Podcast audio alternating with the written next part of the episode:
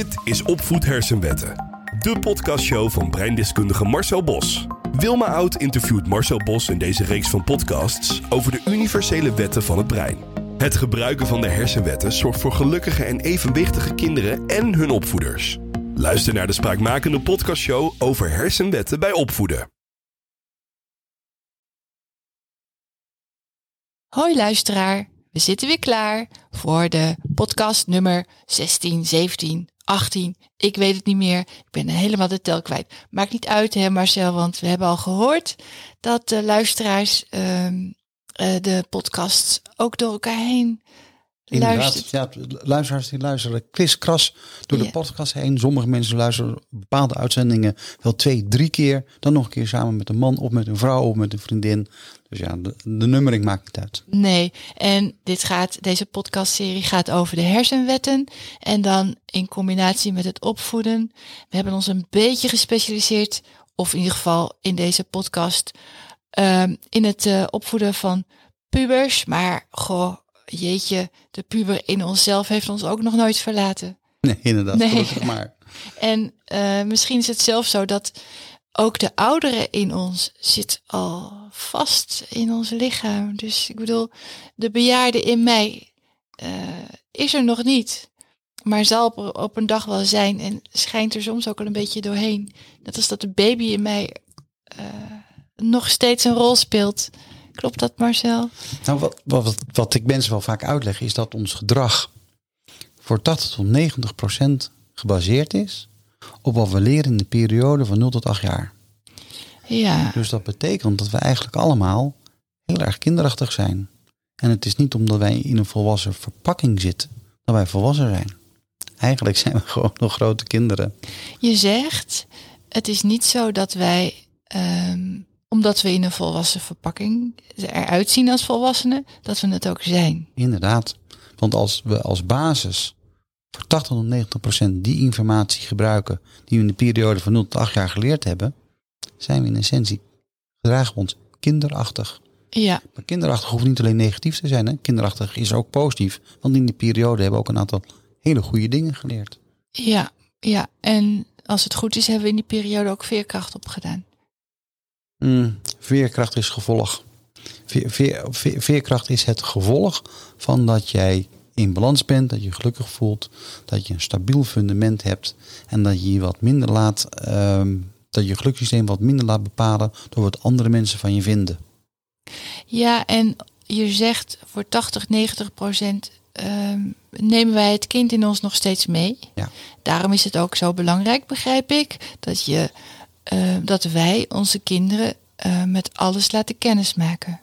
Ja, dus dat wij onze kinderen in die periode met name gewoon echt leren hoe de biologie van het brein werkt. Wat, de- wat, wat de hersenwetten zijn en daarnaar handelen. Want dan bouw je hele zelfstandige, eh, stabiele kinderen mee die alles in hun leven bij wijze van spreken aankunnen. En ook dat je ze niet weghoudt van de minder leuke momenten. Zeker niet. En ook de, de minder leuke momenten die je zelf meemaakt, ook gewoon deelt met je kinderen. En niet denkt van, oh god, ik mag hun dat niet zeggen, want dan kan het tere kinderbreintje niet tegen. Tegenovergestelde is waar, dan mag je best hun vertellen, wel in woorden en begrippen die zij begrijpen en passen bij de leeftijd. Mhm. En de essentie is dat je ze vooral laat voelen en zien hoe jij daarmee omgaat. Want dat is één van de belangrijkste dingen die je kinderen Ja. kunnen meegeven. Ja. Ja. En hoe jij daarmee omgaat. ehm, maar ook dat kan alle vormen aannemen. Nou, als ik dat dus op twee hoofdstukken zou, of twee, twee kanten zou kunnen benadrukken, dan zou ik zeggen, je hebt de keuze of je in de slachtofferrol gaat zitten. Je gaat in mineur zitten. Je vindt dat er jou iets heel erg is overgekomen. Dat je nu echt in de put zit, dat je er bijna niet uit kan komen. Of je kunt de kant kiezen dat je de verantwoordelijkheid neemt naar de toekomst toe. En dat is de sterke kant. Natuurlijk in de invulling van hoe die slachtofferrol eruit ziet. Of die verantwoordelijkheid nemen, daar heb je duizend en smaak in. Maar blijf nog steeds verantwoordelijkheid nemen naar de toekomst toe. Zou iedereen in staat kunnen zijn om ehm, uit de slachtofferrol te stappen en de rol van, nou, laten we zeggen, ehm, onafhankelijk sterk persoon Ja, ver- ver- verantwoordelijkheid nemen naar de toekomst toe. Dat, Voor dat wat- kan wat- iedereen. Dat kan, dat kan iedereen als je geleerd hebt hoe je dat moet doen. En als je niet geleerd hebt hoe je dat moet doen, kun je dat dan alsnog leren. Dan kun je dat alsnog leren. En je ziet dat mensen die het niet geleerd hebben, veel vaker kiezen voor de slachtofferrol. Ja, En dat het echt exceptioneel is als mensen kiezen voor de verantwoordelijkheid nemen naar de toekomst toe. En laat me een voorbeeld geven. Er- is een mevrouw geweest, die heeft de Tweede Wereldoorlog meegemaakt.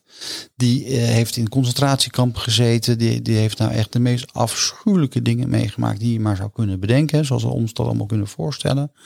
En uiteindelijk heeft zij ervoor gekozen nadat ze bevrijd was door de, de Amerikanen, uit het concentratiekamp. En ze was op een haar na dood. Heeft ze ervoor gekozen om haar levenslessen als inspiratiebron te laten zijn voor andere mensen. Hoe ze om kunnen gaan met dit soort situaties. ja, Dus zij heeft verantwoordelijkheid genomen naar de toekomst toe. En deze mevrouw die heeft, heeft daar boeken over geschreven. De keuze is, is daar een, een, van, haar, van haar boeken. En zij is inspiratiebron geweest voor honderdduizenden mensen. mhm. Nou, dan, dat is dus verantwoordelijkheid nemen. Je kunt ook in de slachtofferrol gaan zitten en zeggen: Ja, ik heb de Tweede Wereldoorlog meegemaakt en de hongerwinter en de meest afschuwelijke dingen en mijn leven is voorbij. Mhm. En dat die mevrouw die andere keuze heeft gemaakt, dat is echt uitzonderlijk dat mensen dat op een eigen manier tot het antwoord komen. ja je Om- zegt ook al, het is uitzonderlijk. Dat is uitzonderlijk. Ja. Maar op het moment dat we men, maar we kunnen met iedereen leren hoe ze die verantwoordelijkheid kunnen nemen. Ja, En dan zijn er veel grotere groepen mensen die die verantwoordelijkheid kunnen nemen. Dus een andere richting kunnen kiezen voor hun ja leven. stel je voor, ik ben, stel je voor, ik ben 42, dat ben ik niet, ik ben wat ouder. Maar stel je voor, ik ben eh zo'n beetje op de helft van mijn leven en ik heb Ja. gezien dat, ehm, dat ik altijd de slachtofferrol op mij neem. Hoe kan ik leren om daaruit te komen? Hoe, wat moet ik daarvoor doen? Ik heb het niet over mezelf, hè, maar nee, het is, nee, ik, ik snap het. ja, Maar je, maar je, je- je kunt er niet uitkomen. Je hebt breinkennis nodig. Je hebt een aantal technieken nodig om te leren hoe je de verantwoordelijkheid neemt naar de toekomst toe. En, dat, Ja. en dat heeft te maken onder andere met dat je in je volwassen leven, met je volwassen brein, je eigen beeld vormt. En je eigen beeld is eigenlijk een tegenhanger van wa- wat wij noemen een zelfbeeld. Want het woord van zelfbeeld klopt eigenlijk helemaal niet. Hè? Het is de mate waarin jij, even jou als voorbeeld nemen, voldeed aan de eisen van jouw opvoeders. En jij voldeed niet helemaal aan de eisen van je opvoeders. Dus je opvoeders hadden daar best wel wat kritiek en commentaar op. En dan creëer je dus een negatief zelfbeeld. Maar het is geen negatief zelfbeeld, het is een negatief ander beeld. Wat anderen over jou hebben. oh ja, En waar het over gaat is dat je dus leert hoe je je eigen beeld kunt vormen over wie je werkelijk bent. dus wat wij zelfbeeld noemen, dat is, dat is feitelijk het, het beeld van anderen. Van anderen over jou functioneren volgens hun maatstaven. Ja, Nou, wij kunnen nooit voldoen aan de maatstaven van anderen. Dus we zullen altijd daar kritiek en commentaar op krijgen.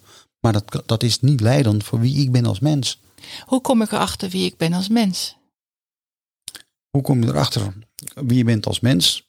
Nou, we hebben een vak in ons arm en dan kunnen we openmaken en er staat op de code van ons DNA in. Maar dat is wat, eh, nee, dat is, dat is zonder flauwkul. Nee, er, er zijn, er zijn verschillende technieken voor hoe je daarachter kunt komen.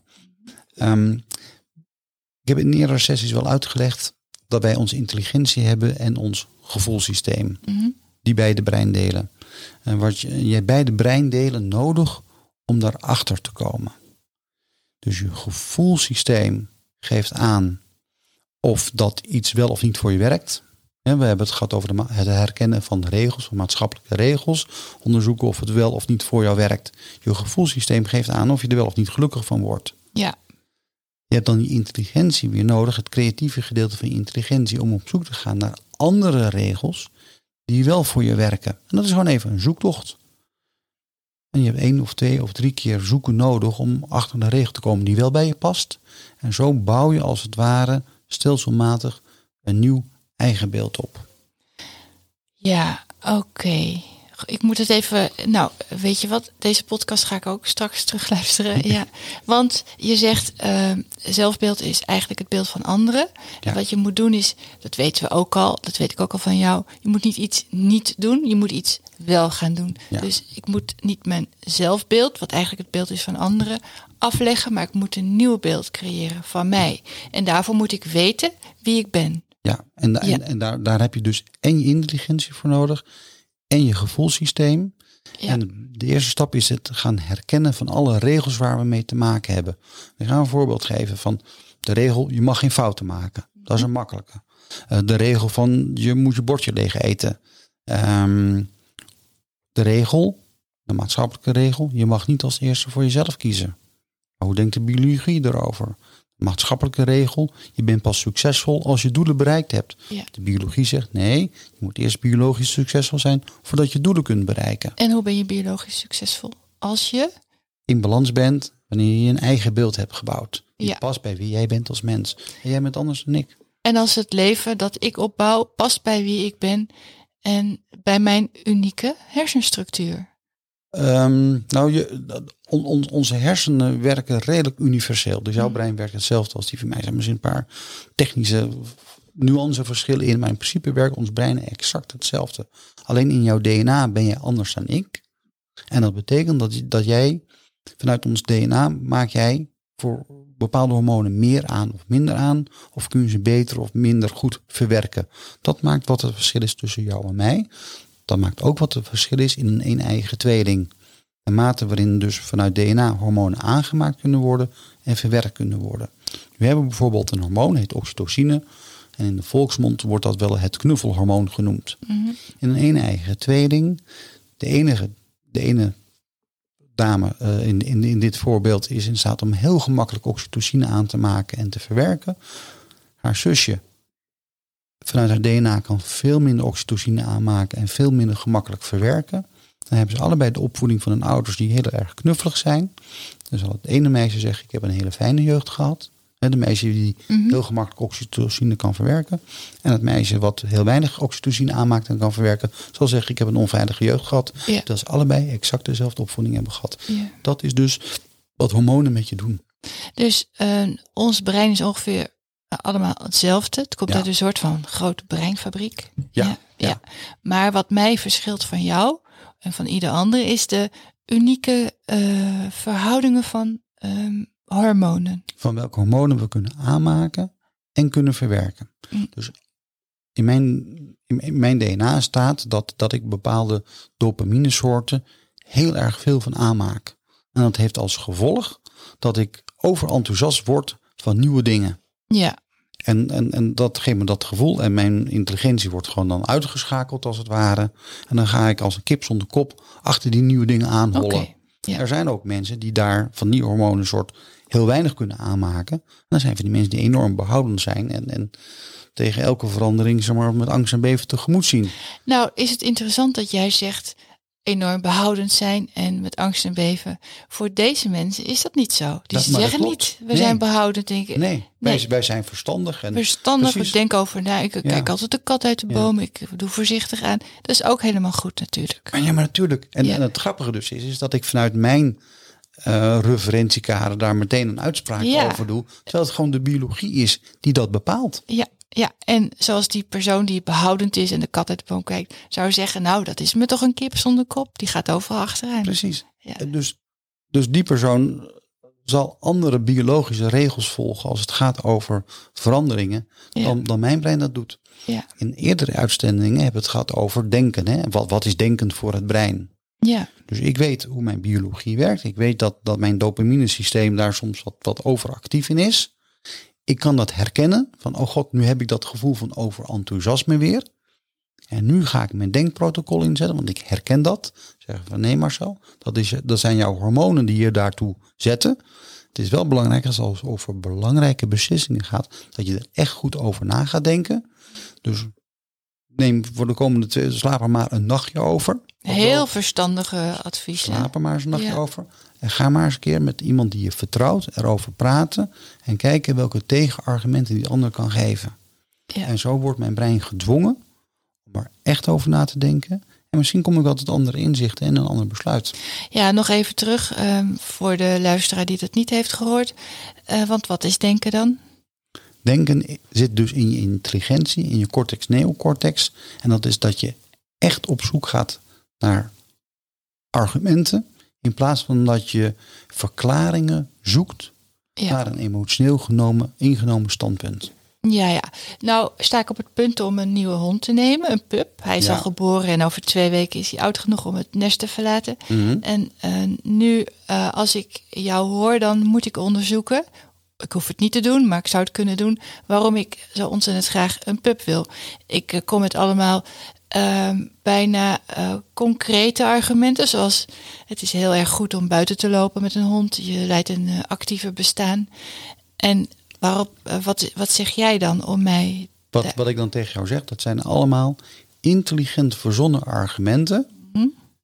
om te rechtvaardigen dat je een pup neemt. Ja, en waarom neem ik eigenlijk een pup? Nee, de vraag is, waarom zou je geen pup moeten nemen? Ja, de, waarom zou ik geen. Ja, Je probeert jezelf het tegendeel te bewijzen. Maar nu moet je brein hard gaan nadenken. Waarom zou je geen pup nemen? Kun ik kan, dat, kun- ik kan daar een antwoord op geven. Kun je daar verschillende argumenten over geven? Dan kun je in ieder geval een betere afweging maken. Of je het wel of niet wil. Kom je brein eigenlijk tot geen enkel argument waar je het niet zou doen. Dan is de uitkomst ook duidelijk. Ja, behalve dat je het jezelf best wel moeilijk maakt met weer een pup. Maar ja, Nou, je, je kunt zeggen, Kennelijk van, is dan, dat- dan ben ik wat meer gebonden aan huis. ja, Ik kan wat, eh, wat minder gemakkelijk bij iemand, eh, bij een vriendin blijven slapen als ik wegga. Ik kan wat minder gemakkelijk naar een restaurant toe gaan. Het heeft eh beperkingen in mijn sociale leven. Enfin, er zijn een aantal ook intelligente argumenten waarom, Ja. je het niet zou, waarom je het niet zou. waarom je het niet zou doen. Ja, En pas als je die inzichtelijk hebt, dan pas kun je die twee tegen elkaar gaan afwegen. ja, ja. En dan komt er gewoon een pup over twee weken. Ja, maar natuurlijk, want het is een emotioneel genomen besluit. Jij Ja. hebt al besloten om het te doen. Ja, ja, ja. Ja. Super fijn. het leven zelf leert je ook hoe te leven, hè, Marcel?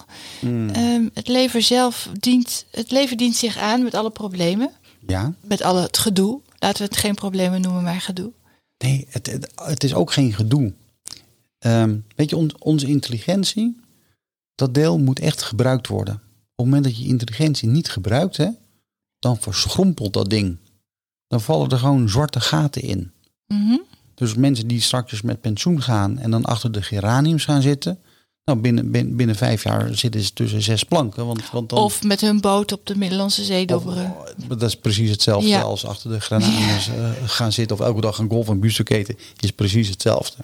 Ja. Dus ons brein, onze intelligentie moet continu uitgedaagd worden. Mhm. Ja. Wordt niet uitgedaagd, dan is het einde eh, in zicht. Vind jij dan ook Nee, dat ik maak hem eventjes af. hè. graag? Dus ons brein moet uitgedaagd worden. En de biologie heeft daar iets op verzonnen om ons een handje erbij te helpen. Mhm. En dat is wat wij stom genoeg problemen noemen. Ja. Maar het, het zijn geen problemen. Het is, het is een cadeautje om ervoor te zorgen dat we onze intelligentie kunnen inzetten om de problemen op te lossen. Dus, dus wat wij problemen noemen zijn cadeautjes om te zorgen dat we fit blijven in ons brein. Ja.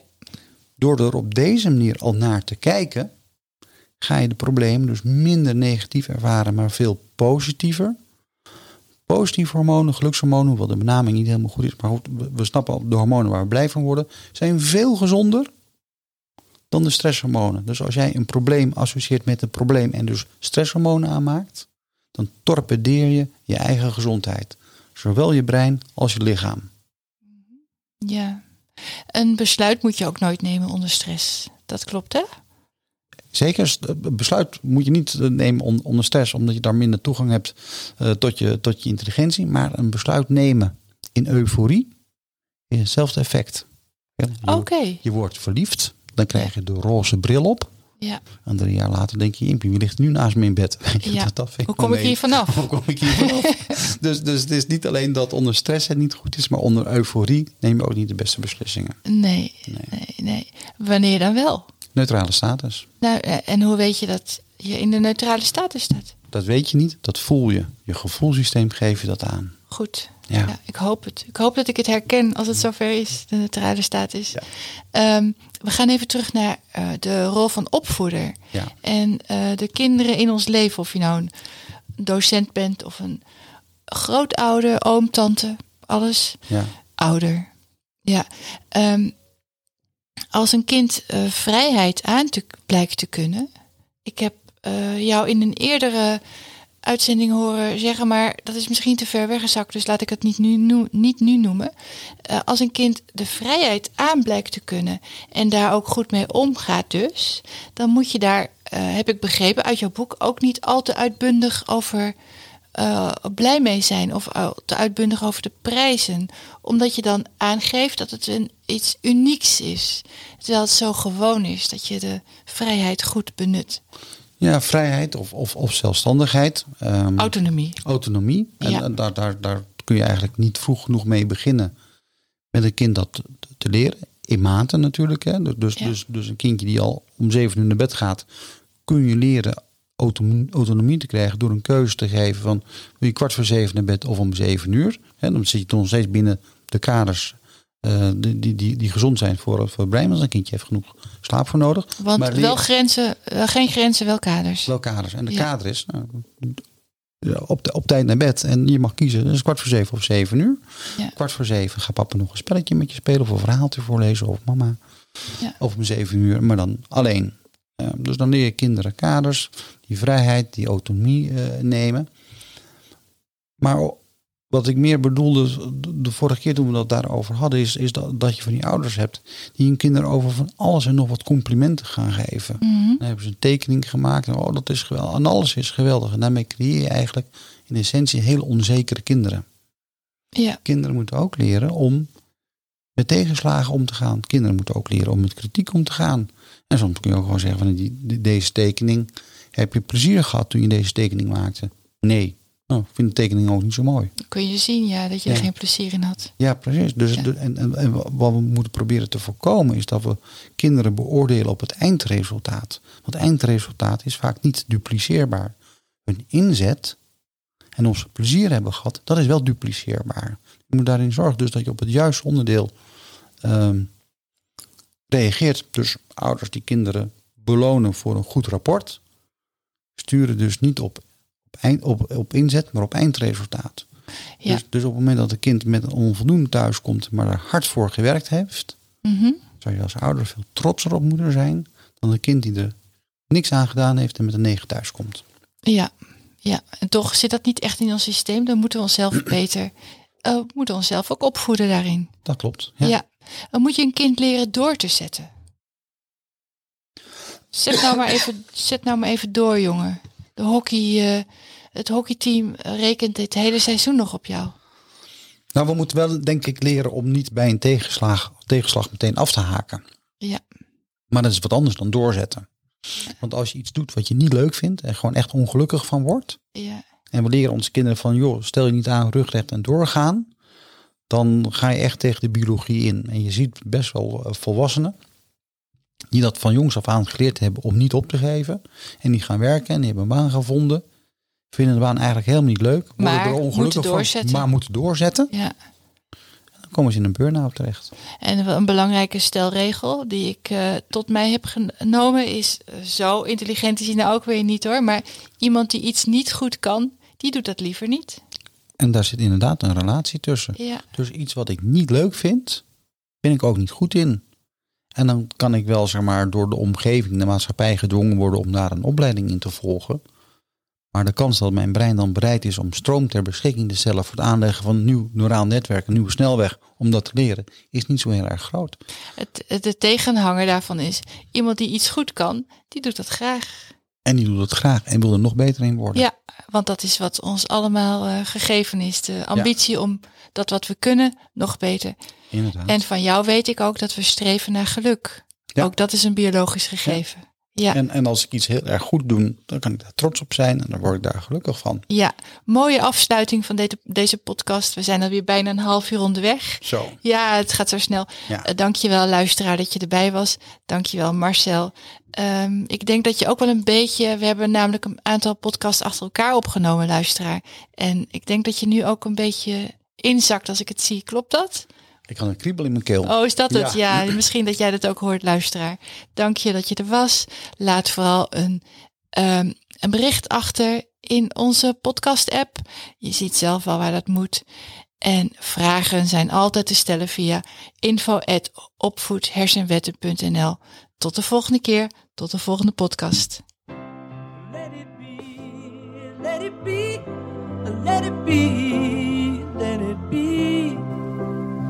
whisper words of wisdom, let it be. And when the broken hearted people living in the world agree, there will be an answer, let it be. For though they may be parted, there is still a chance that they.